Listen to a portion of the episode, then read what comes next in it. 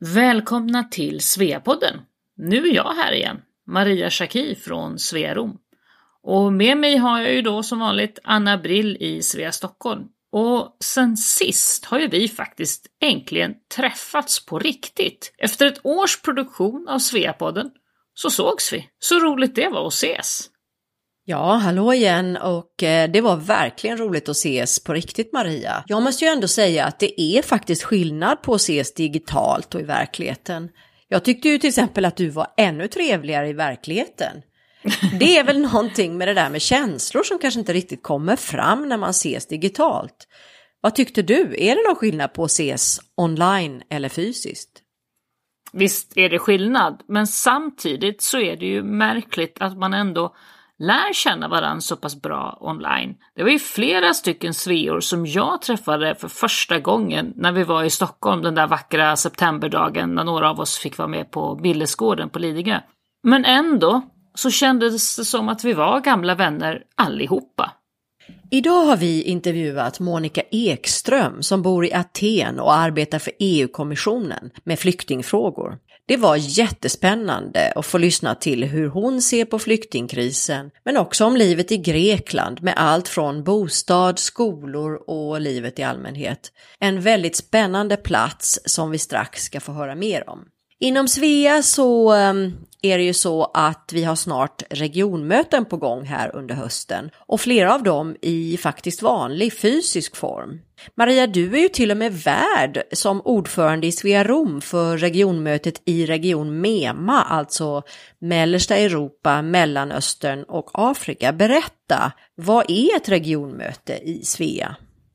Ja, men till skillnad från andra delar av världen så kommer vi i Europa att kunna ha fysiska regionmöten, vilket vi är väldigt glada över. Men de blir dock i nedbantad form, inte alls lika stora som de brukar vara. Det blir i stort sett bara regionens avdelningsordförandena som kommer hit, och i det här fallet då till Svearom. Så vi blir kanske bara max 20 personer om vi räknar in några gästande sveer. Och så kommer en del av våra lokala medlemmar att vara del med på vissa punkter i programmet. Så vi kallar det för ett miniregionmöte. Men eh, vad går ett regionmöte ut på egentligen? Vad gör man? Ja, men ett regionmöte är ju egentligen det formella årsmötet för regionen helt enkelt. Eh, det vill säga regionstyrelsen har ett formellt möte. Men sen har vi ju ett program som sträcker sig över två dagar med förmöte där styrelsen förbereder det här. Eh, vi har intressant föreläsning, vi har middagar där vi njuter av den goda maten här i Rom. Lite guidade turer där våra guider kommer att visa sevärdheter som man kanske inte annars hittar på egen hand. Ja, så det här ser jag verkligen fram emot även om det blir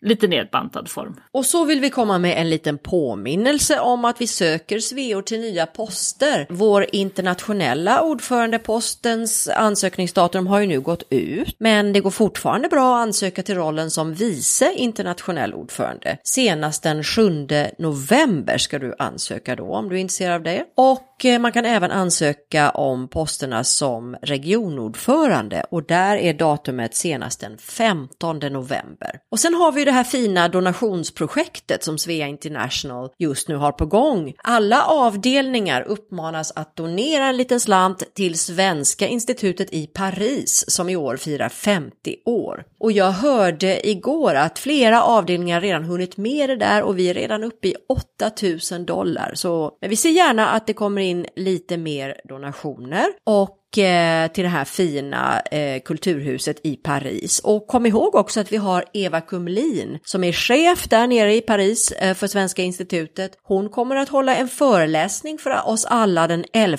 oktober. Det kommer bli jättespännande. Och nu kommer jag på att vi har ju även intervjuat henne här i Sveapodden. Det går fint att lyssna till henne där också. Du hittar all info om både donationsprojektet, webbinarier samt poster som du kan söka på vår hemsida svea.org. Men nu tror jag att våra lyssnare är nyfikna på det här med Grekland och Monica Ekström. Så nu åker vi dit tillsammans. Häng med!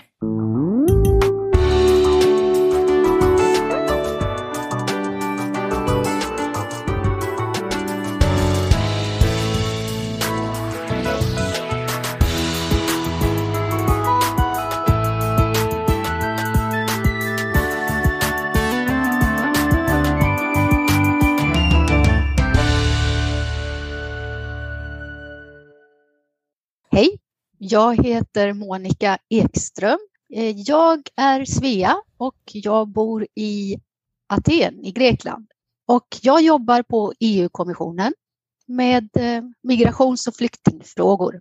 Hej Monica och välkommen till eh, Svea-podden. Vi är såklart jättenyfikna på ditt arbete i just eh, Aten och Grekland för EU-kommissionen och jag tänker att vi nästan börjar där direkt. Berätta, vad jobbar du med just nu? Ja, jag jobbar ju alltså med migrationsfrågor. Eh, som ni vet så kommissionen är ju baserat i Bryssel, men vi har även lite folk ute i olika medlemsländer, till exempel Grekland, Italien och Spanien, därför att eh, de ligger ju där de ligger, om man säger så. Det kommer ju ofta flyktingar till de här länderna. Det kan komma med eh, ganska många flyktingar, till exempel eh, som vi har sett från Turkiet till Grekland. Och eh, därför har vi faktiskt ungefär 15 personer i Grekland som är här och vi är i Aten och även på de här öarna. Och vi följer situationen dagligen kan man säga. Vi rapporterar till Bryssel. Vi för statistik och ja, vi, vad vi försöker göra här i Grekland är att vi hjälper de grekiska myndigheterna att eh, få till stånd ett fungerande och modernt eh, migrationssystem. Vad spännande, hörru du. Det här med flyktingarna är ju ganska aktuellt och speciellt det här med Grekland.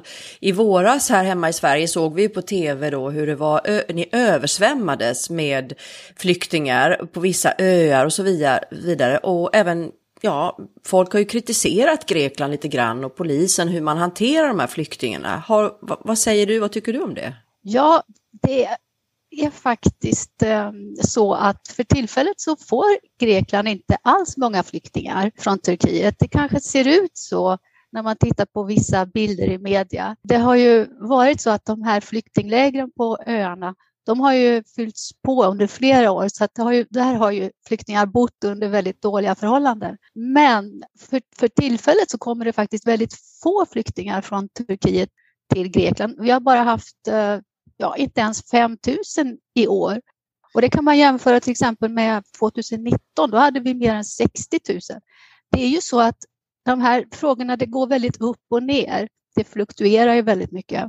Sen kan man ju säga så att man kan ju se antingen glaset som halvfullt eller halvtomt. Och eh, vi tycker nog att eh, glaset är halvfullt för att det har varit väldigt stora förbättringar de senaste åren.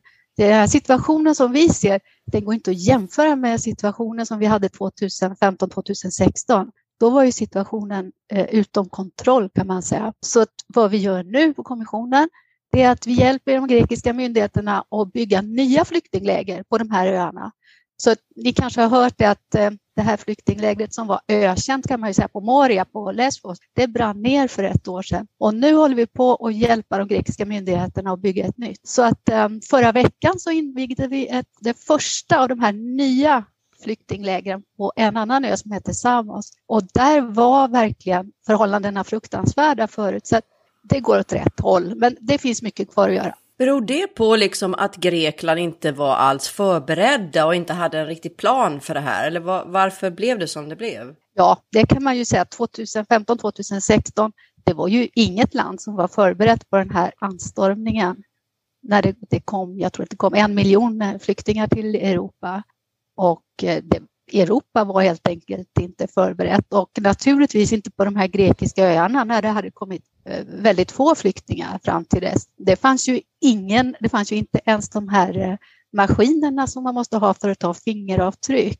Så att man kunde ju inte identifiera dem. Så att de, det var bara en stridström som kom till grekiska öarna och bara fortsatte sen till de andra EU-länderna. Och det här skapar ju väldigt stora spänningar sen inom EU. Så att eh, nu är ju systemet är ju helt annorlunda. Mm, så det blir bättre, vad bra. Men eh, eh så EU här agerar som en sorts hjälpande eh, partner till Grekland, så att relationen där mellan EU och Grekland är positiv med andra ord? Ja, det vill jag säga. Och det, eh, det är ju så att EU behöver ju Grekland för till exempel att skydda sina gränser för att Greklands gränser är ju även EUs gränser mot Turkiet. Så att vi har ju gemensamma gränser eftersom vi är i Schengen. Så att eh, vi är ju verkligen beroende av varann.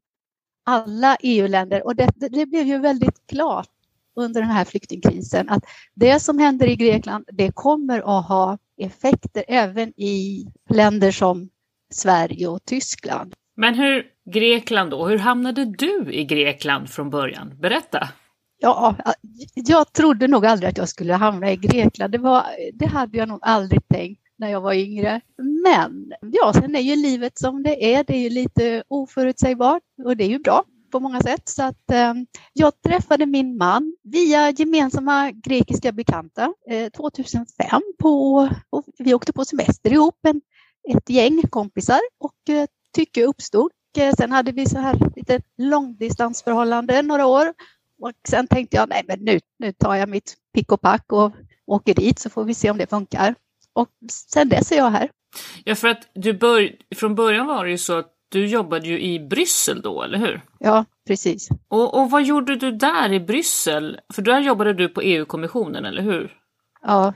Och det som, det som jag funderar på är att, att du, du eh, ganska tidigt, du, du jobbade ju i, efter din juristexamen så satt, jobbade du där på, på tingsrätten ganska kort tid och sen hamnade du i Bryssel rätt tidigt. Hur får man ett sådant jobb på EU-kommissionen? Jo, jag har nog alltid varit intresserad faktiskt av eh, internationella frågor och eh, jag tyckte EU-rätt var intressant eh, redan när jag studerade juridik. Jag gjorde ett sånt här inträdesprov som man, man får göra när, om man vill bli anställd på kommissionen och det gick bra och sen började jag på kommissionen ganska tidigt då när Sverige gick med i EU och sen så jobbade jag i Bryssel under 12 år. Jag jobbade först med konkurrensfrågor och sen eh, bytte jag bana helt och började jobba med internationell familjerätt och höll på med det i sex år. Och hur var det att bo där i Bryssel och arbeta just på EU-kommissionen? Är det någonting du rekommenderar för andra? Är det kul? Ja, jag tycker det är kul, men jag kan ju förstå att det kanske inte är för alla. Eh, jag tror att det, man måste vara lite speciell som person för att för att trivas på kommissionen. Hur då? ja, vi har ju väldigt mycket regler kan man ju säga. Så att, eh, och, eh, kan du ge något exempel? Ja, för till exempel för att få vara med i den här podden så var jag tvungen att fylla i ett speciellt formulär och det var tvungen att gå igenom en hel radda personer. Men jag tror att det tog två månader, men sen fick jag ju godkänt. Två månader? Jag tror wow. det. Mm. Men ja, det, jag ska inte säga att kommission, alltså kommissionen, jag tycker att det är jätteintressant därför att man kan göra så mycket olika saker. Det, det har jag sett när jag har jobbat. Då har jag jobbat med konkurrensrätt, internationell familjerätt.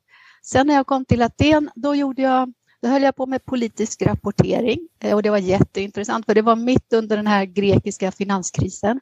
Och nu med flyktingfrågor så jag har fått göra så mycket verkligen roliga saker. Mm. Men du berättar lite om det där med hur, hur, hur det går till, liksom. Om det sitter någon här ute i, i världen och vill söka till EU-kommissionen. Söker man till något specifikt område eller man söker rent generellt och sen placerar de in dig där de behöver folk? Eller hur går det till? Alltså nu har de ändrat de här, det här antagningssystemet sedan jag började, men eh, om man vill bli anställd på kommissionen, fast anställd, då måste man göra ett av de här eh, antagningsproven och det är, det är inte lätt för det är så många som vill eh, gå med. Men det, och behöver man ha Behöver man ha då någon särskild, du är jurist, ja. men är det vilka typer av grundutbildningar liksom funkar? Ja, man kan vara i stort sett vad som helst. Alltså, vi har ju eh, jurister, ekonomer, ingenjörer. Det enda som krävs för en viss kategori är att man har eh, universitetsutbildning. Men det kan mm. vara vad som helst. Men man, det, det finns ju andra inträdesprov där man inte behöver det heller. Så att det finns en hel, det finns på en eh, hemsida, det finns eh, de olika inträdesproven som finns. Det finns eh, särskilda för jurister och särskilda för eh, revisorer. Det finns alla möjliga. Och hur är det sen då när man är där? Arbetar man väldigt långa dagar och tjänar jättemycket pengar, lite lagom pengar eller hur är det? Jag tror att de flesta jobbar ganska bra, de jobbar ganska många timmar. Det är ganska krävande och man, man får bra betalt. Det, är ju, det kan jag verkligen säga att det är väldigt bra förmåner. Jag tycker att det är väldigt stimulerande arbete och jag trivdes jättebra i, i Bryssel.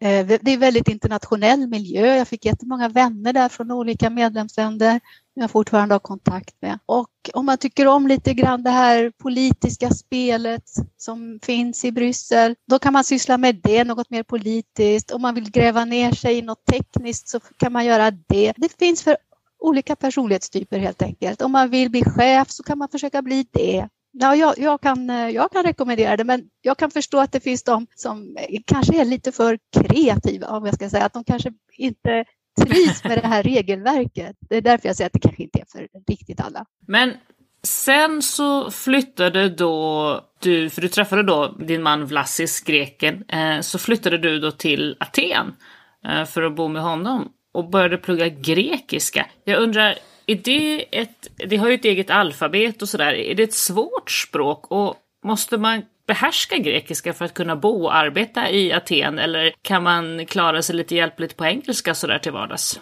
Ja, det kan man. Det är, nästan alla greker pratar ju engelska och bra dessutom, så att det går. Det går absolut att klara sig. För det här jobbet som jag har så måste man kunna grekiska, man måste förstå och man måste nog kunna göra sig, man måste nog kunna prata också grekiska. Men det går absolut att bo och leva här. Jag lärde mig grekiska för att jag tycker det är roligare när man förstår. Man kan komma in i samhället på ett annat sätt. Man kan delta i konversationer och, och det är roligare helt enkelt när man förstår. Men eh, det är inte, jag tycker inte att det var lätt jag kan verkligen inte säga att jag tyckte det var lätt att lära mig grekiska. Och jag tycker fortfarande att det är så ord som jag inte kan och riktigt behärskar. På jobbet, eh, talar du grekiska på jobbet eller där är det mest engelska? När, när, vi bara är greker, som, om jag säger så, om vi inte har några ut, utlänningar, icke-greker, då pratar vi grekiska oss emellan. Och hur gör du och, och, och Vlassis hemma? Pratar ni engelska eller grekiska eller mixar ni lite? Och vi mixar. Och så pratar jag svenska med min dotter. Spännande.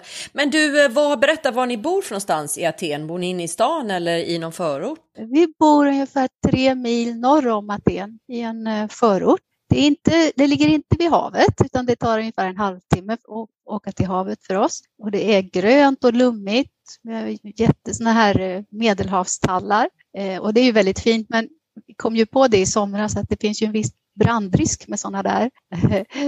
Så att eh, allting har ju för och nackdelar, men allting gick bra, tack och lov. Har ni haft mycket bränder i eh, Grekland? Ja, i somras hade vi mycket bränder. Det, det är ju bränder eh, varje sommar, men i, i somras var de det var mer än vanligt och det var runt om Aten så att de var ganska nära här men de fick bukt på dem, tack och lov. Men ja, alltså vi blev eh, påminda om vad ska man säga, klimatförändringarna helt enkelt. För att eh, det verkar ju trots, mm. tyvärr som att det kommer att bli vanligare. Upplever du det där, som att det blir varmare och varmare i just där du bor, i, i Aten? Ja, alltså vi hade en riktig värmebölja här i somras, men jag vet inte om man kan säga att det där är någonting som är statistiskt, att det kommer att vara så nu. Men. Eh, vi, vi, följer den frågan här i, i mm. Grekland för att vi kommer att bli, vi kommer att märka av det. Men du, tillbaka till det där med eh, hur du bor och hur man lever i Grekland. Eh, hur är det med bostadssituationen? Är det lätt att hitta bostad? Är det billigt? Är det dyrt? Är det, man jämför med Sverige till exempel. Och vad kostar mat och, och ja, det dagliga livet? Ja, kostnadsläget är väl lite lägre än i Sverige. Till exempel eh, i mataffärer. In, inte så att det är jättebilligt, det kan jag inte säga. Men eh, särskilt eh, ja, frukt och grönsaker är ju mycket billigare. Och gå ut och äta är ju mycket billigare än i Sverige. Bostadssituationen, det, det är ju ingen brist på bostäder. Det går att hitta, det är ju fri hyresmarknad till exempel. Så att eh, om man kan betala så, så finns det att, att hitta i Aten också. Fast priserna har ju gått upp på senare år där och här också. Mm. Upplever du att det är dyrare att till exempel hyra en lägenhet i Aten än i Stockholm? Nu har inte jag riktigt koll på hyressituationen i Stockholm, men jag tror, att det är, jag tror att det är billigare här. Men eh, du och Vlassis, eh, ni fick ju en dotter som nu är sju år, eller hur? Vad har ni gjort för, för tankar och val kring skolgången? Jag tänker som expats sådär som svensk så ställs man ju inför det här, ska de gå i lokal skola, någon slags internationell skola, hur ska man tänka med svensk undervisning? Ja men hela det här liksom. Hur har ni tänkt och resonerat och valt? Ja, jag känner mig inte riktigt som expert. Alltså jag känner mig, det här är lite eh, som jag känner, jag känner mig som utlandssvensk men inte riktigt som expert om jag kan säga så. Att mm. Jag känner mig ändå som en svensk som bor i Grekland och eh, därför vill jag nog inte sätta vår dotter i internationell skola för att jag tycker ändå att hon eh, ska få växa upp med, här, med, en grekisk bas, en grekisk utbildning. Och sen så naturligtvis med svenska som eh, alltså, komplettering. Men det finns ju en internationell skola här i Aten, det finns flera. Men det finns ingen svensk skola. Så därför valde vi att sätta henne i en vanlig alltså, grekisk grundskola. Privatskola, men grekisk. Mm, mm. Och eh, jag tycker att eh, den är bra. Det är en riktig pluggskola. Eh, den är krävande.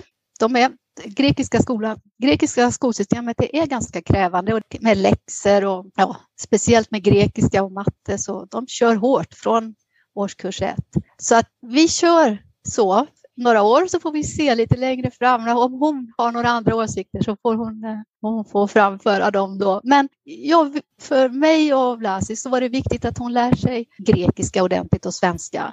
Engelska, det, det snappar hon upp ändå. Är det stor skillnad mellan vanliga grekiska skolor och privatskolor i Grekland? Och hur många, är de, många barn går på privatskola eller går de flesta inte på privatskola eller hur, hur ligger det till? Ja, de flesta går ju inte i privatskola. Så det är ju en eh, minoritet ändå, fast det finns många privatskolor ska jag säga. Jag, ska, jag tror nog, efter vad jag har hört, så är grundfilosofin är densamma. Alltså de pluggar mycket även i, de eh, allmänna, i, i skolan i allmänhet. Så det är inte bara privatskolor som är tuffa utan det är, det är alla. Skillnaden är väl eh, kanske att de läser engelska lite tidigare. Eh, de, har, de har lite aktiviteter i skolan. De kan till exempel ja, gå och simma med skolan och de har olika så här, karate och ja, diverse aktiviteter som de kan göra också. Det, den möjligheten finns ju inte i, i allmänna skolor. Men eh, annars så tror jag grundfilosofin eh, är ungefär densamma. Och du pratar ju svenska med henne, så hur eh, pluggar hon svenska? Hur går det till? Ja, eh, nu har hon ju börjat i Svenska skolan här, hon heter i eh, Aten och det är varje lördag så går hon en och en halv timme. Eh, det är en liten grupp, jag tror de är sex, sju barn och eh, de har läxor. Så att de, nu har hon börjat lära sig att, lä, läsa också och eh, skriva på svenska. Vad tycker hon om det då? Gillar hon det eller tycker hon mest att det är jobbigt? Ja, nej, än så länge tycker hon det är kul. Eh, de säger att när de kommer upp i, i tonåren sen så blir det lite svårare att få iväg dem. Men, eh, men eh, ja, nej, hittills går det, går det bra. Jag har själv erfarenhet av det där när man bor i ett land och försöker få barnet att lära sig ett annat språk då. Och det kanske inte alltid är så populärt för de blir väldigt påverkade av det de hör omkring sig. Ja, Visst. Men hon är ju väldigt stolt över att vara svensk. Hon, är, hon brukar säga det till höger och vänster att jag, min mamma är svensk. Hon tycker att det är kul att säga. Än så länge, vi får se som sagt. Men varför ska man gå med i Svea när man bor utomlands? Svea är en organisation där du som medlem direkt får över 6000 nya vänner över hela världen. Ja, vi finns i 33 olika länder. Och naturligtvis lokalt så får du ett stort utbud av fina aktiviteter via din lokala Svea-avdelning. Om man inte bor precis där det finns en Svea-avdelning så kan man bli medlem i Svea ändå via Svea Global. Alla sveor har tillgång till onlineföreläsningar, våra slutna grupper på Facebook, Svea Världen heter en av dem, där vi delar Svea-relaterade bilder och information med varandra.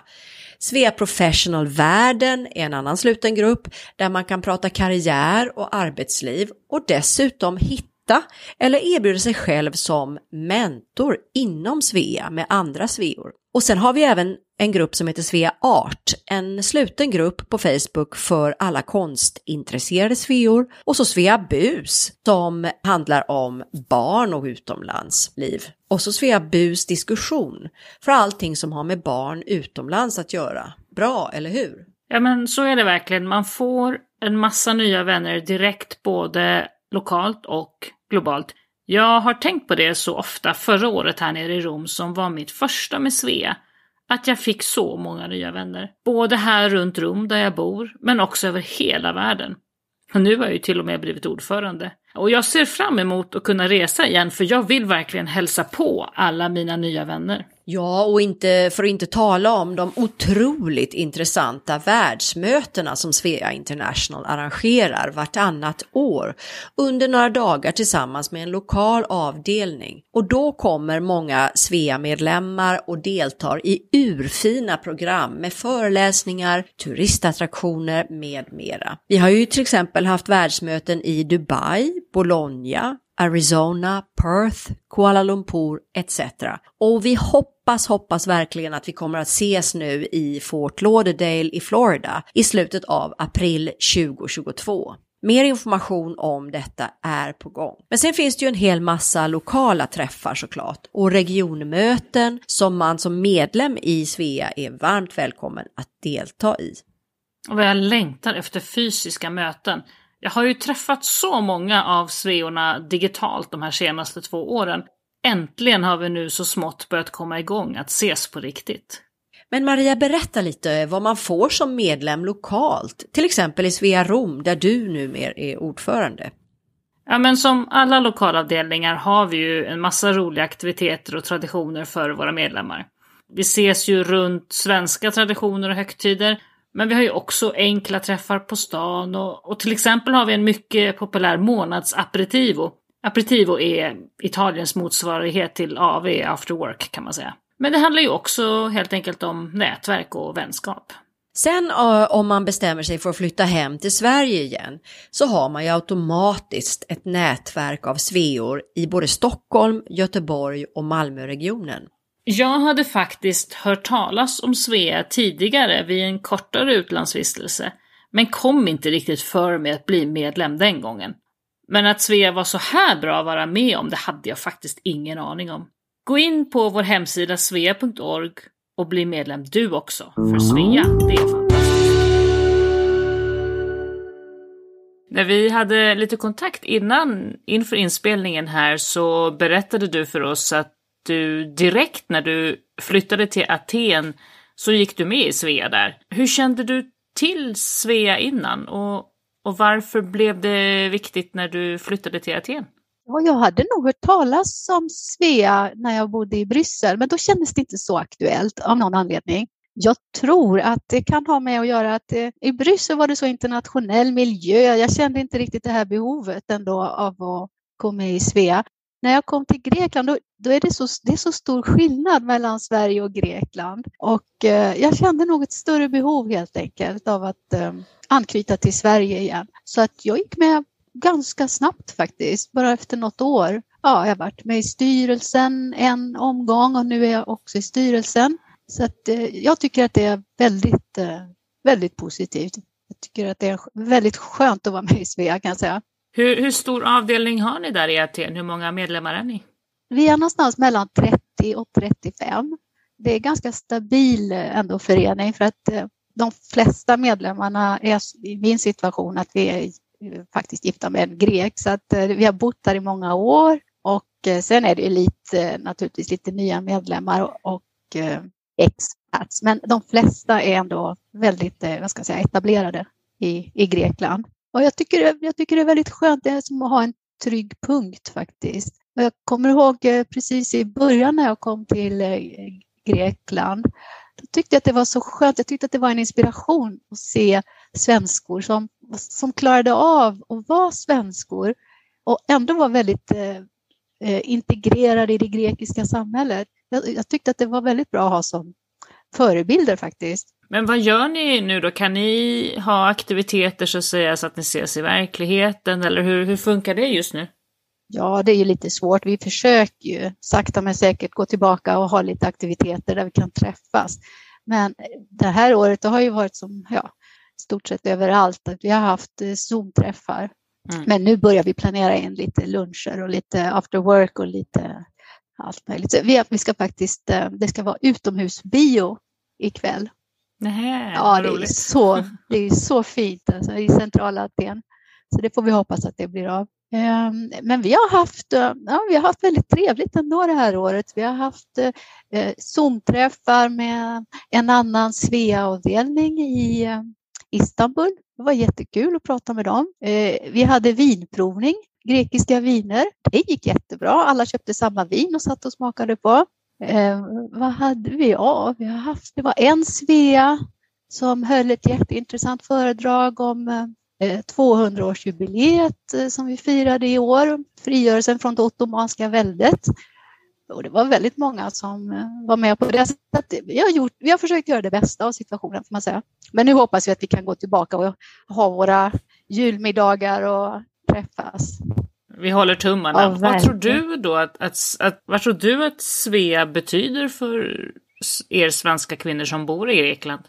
Ja, jag tror kanske att många känner som jag att det är en eh, fast punkt, en trygghet helt enkelt. Eh, och att man kan eh, koppla av lite från det grekiska om jag säger så. Ibland är det så mycket drama i Grekland.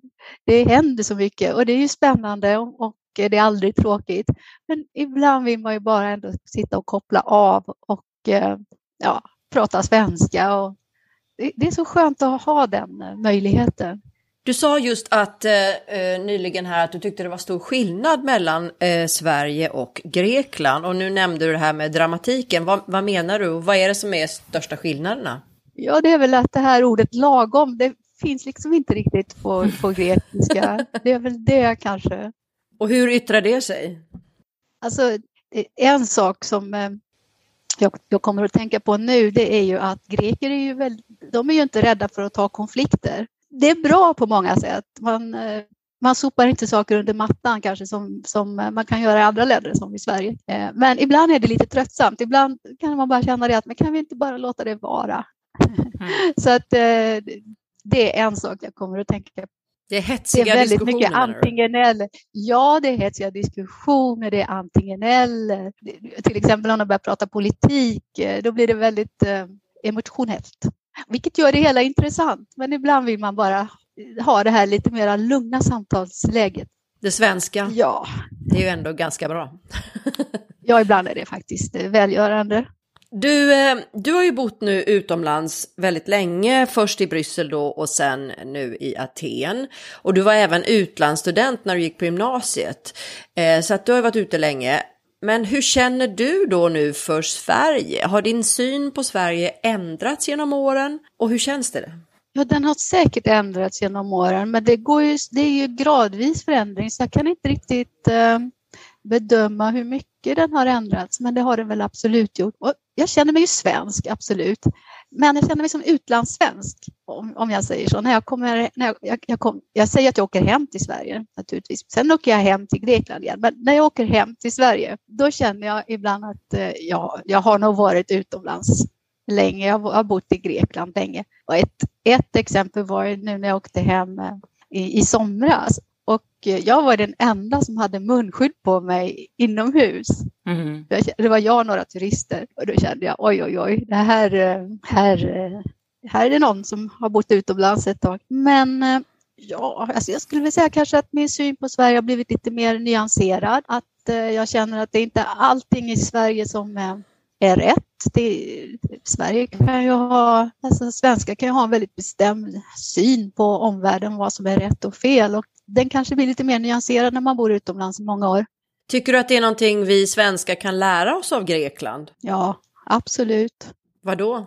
Jag tycker ju att eh, en egenskap som greker har som eh, inte alltid svenskar har, det är ju att de är väldigt flexibla. De anpassar sig ju väldigt bra till krissituationer och det ser man ju att det kommer fram när det gäller. Då, är, då reagerar grekerna väldigt, väldigt snabbt och väldigt, väldigt, eh, ja, nästan rationellt på något underligt sätt. Eh, så det, det, såg jag ju i somras nu när vi hade de här eh, bränderna nära inpå.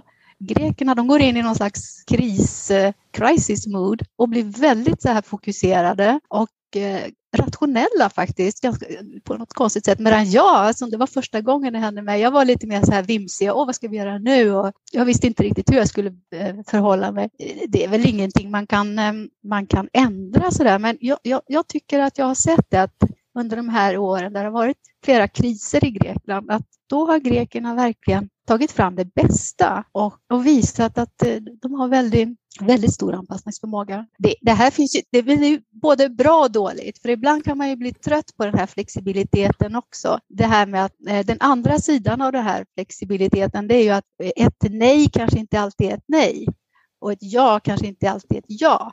Man kan alltid, sen kan man ju börja diskutera till exempel med myndigheter och med andra. Vad är det egentligen som gäller? Och då är det inte det här klara direktiven som man kanske får mer i Sverige där ett nej verkligen är ett nej. Det är ju inte alltid bra det heller, utan ibland är det kanske bra att ha klara besked.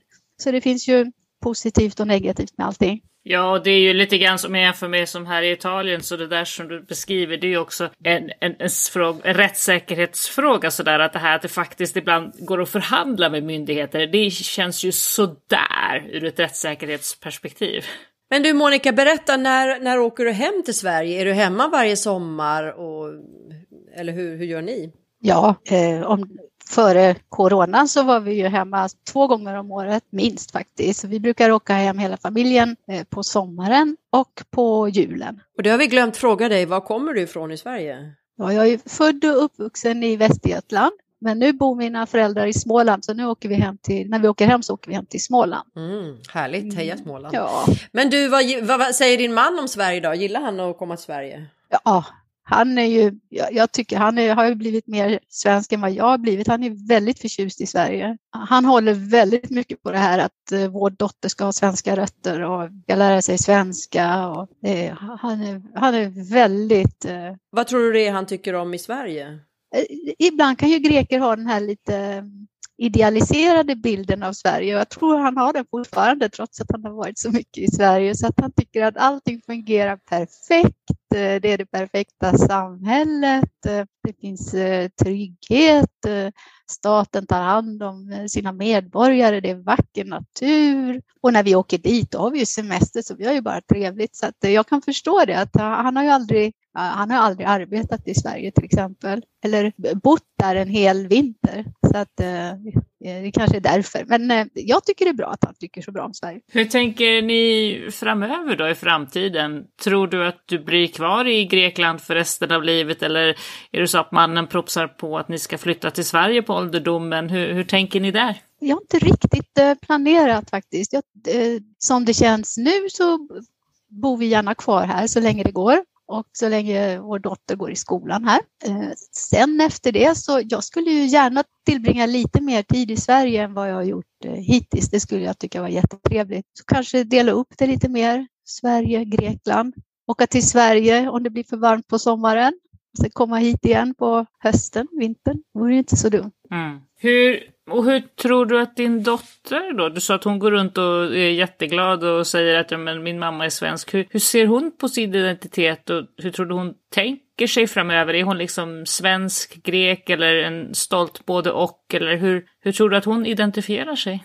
Ja, jag tycker ju att hon, alltså, jag tycker att hon ska vara en stolt både och eh, svensk grek, alltså svensk grekinna. Eh, och jag tror att hon ser sig så också faktiskt. Det är ju det att hon, hon växer ju upp här så hon, hennes bas kommer väl att bli grekisk ändå. Men hon kommer ju alltid att ha med sig det här svenska. Eh, jag tycker att det är en eh, vad ska man säga, det är en rikedom, det är en fördel. För att eh, om man kan ha med sig det bästa från det svenska och det bästa från det grekiska, det är ju, det är ju en fantastisk kombination i så fall.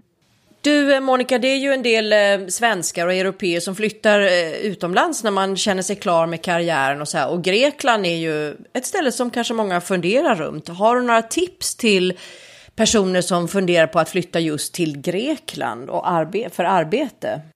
Ja, om det, vare sig det gäller att flytta hit för arbete eller för att vara här som pensionär så, så ska man väl veta vad man ger sig in på. Det gäller ju allting i livet.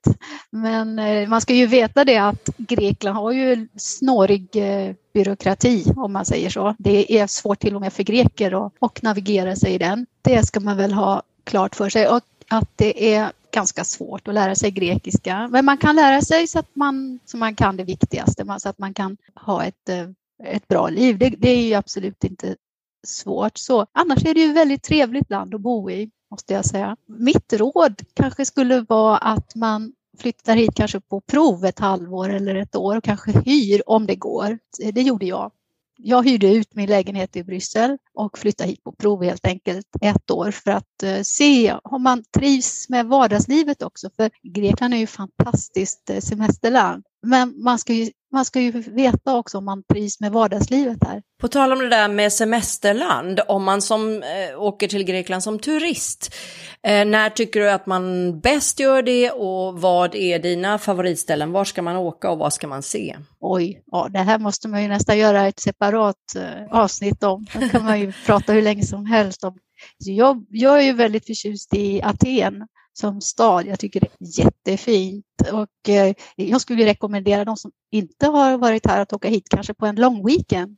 Tre, fyra dagar hinner man se mycket. Därför det är väldigt, väldigt fint. Alltså det är väldigt fint i stadskärnan och eh, det finns så mycket historia. Det finns så mycket eh, vackra byggnader. Det finns fantastiska, alltså maten är fantastisk, jättegoda viner.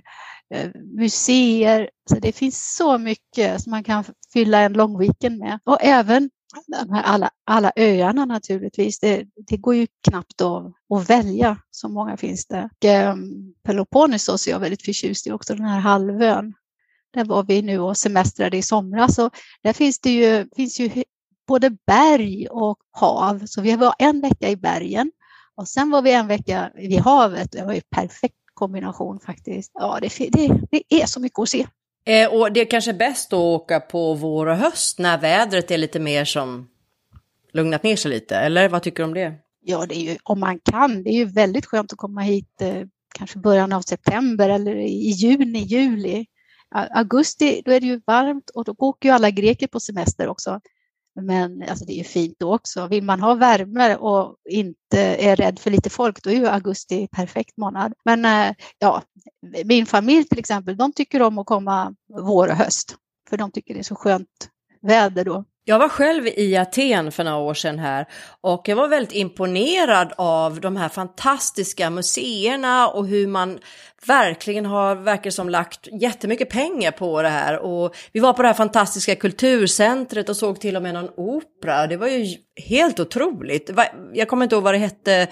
Det var ju, som, det var ju nästan som att vara i New York, alltså man blev helt överväldigad. Ja, och de kan satsa ännu mer. Alltså det finns en sån potential här. Om de börjar rusta upp eh, de här museerna ännu mer, det, det, finns liksom ingen gräns för hur långt det kan gå. Men Aten, det är ju en väldigt stor stad. jag tror det är fyra miljoner invånare och, och eh, en miljon i Pireus, och de har ju liksom växt ihop. Så det är ju nästan fem miljoner i den här eh, regionen. Och det känns, alltså det är en stor stad. Och det, jag tycker att det har väldigt eh, bra energi. Eh, bara att sätta sig på en uteservering och, och titta på folk, det, bara det kan jag göra i flera timmar i Aten. Ja, jag skulle gärna åka tillbaka till Aten snart igen. Ja, jag kan rekommendera alla sveor. Ta en sväng hit. Ja, men tack så jättemycket Monica för att vi har fått eh, prata med dig idag om eh, livet i Aten och eh, ditt spännande jobb. Jätteroligt! Ja, tack själv. Det var jätteroligt att få vara med. Tack för att du har lyssnat. Den här podden är inspelad och producerad för Svea International av Anna Brill och Maria Schacki. Musiken är skriven för Svea av Fredrik Åkerblom. Svea-podden finns nu på de allra flesta ställen där du hittar poddar. Eh, Apple Podcasts, Google Podcasts, Spotify, Acast och alla de här. Om du saknar något ställe, skicka ett mejl till oss på sveapodden gmail.com. Mer information om Svea hittar du på vår webbplats svea.org och i sociala medier där vi finns på Facebook, Instagram och LinkedIn och där hittar du oss som Svea International.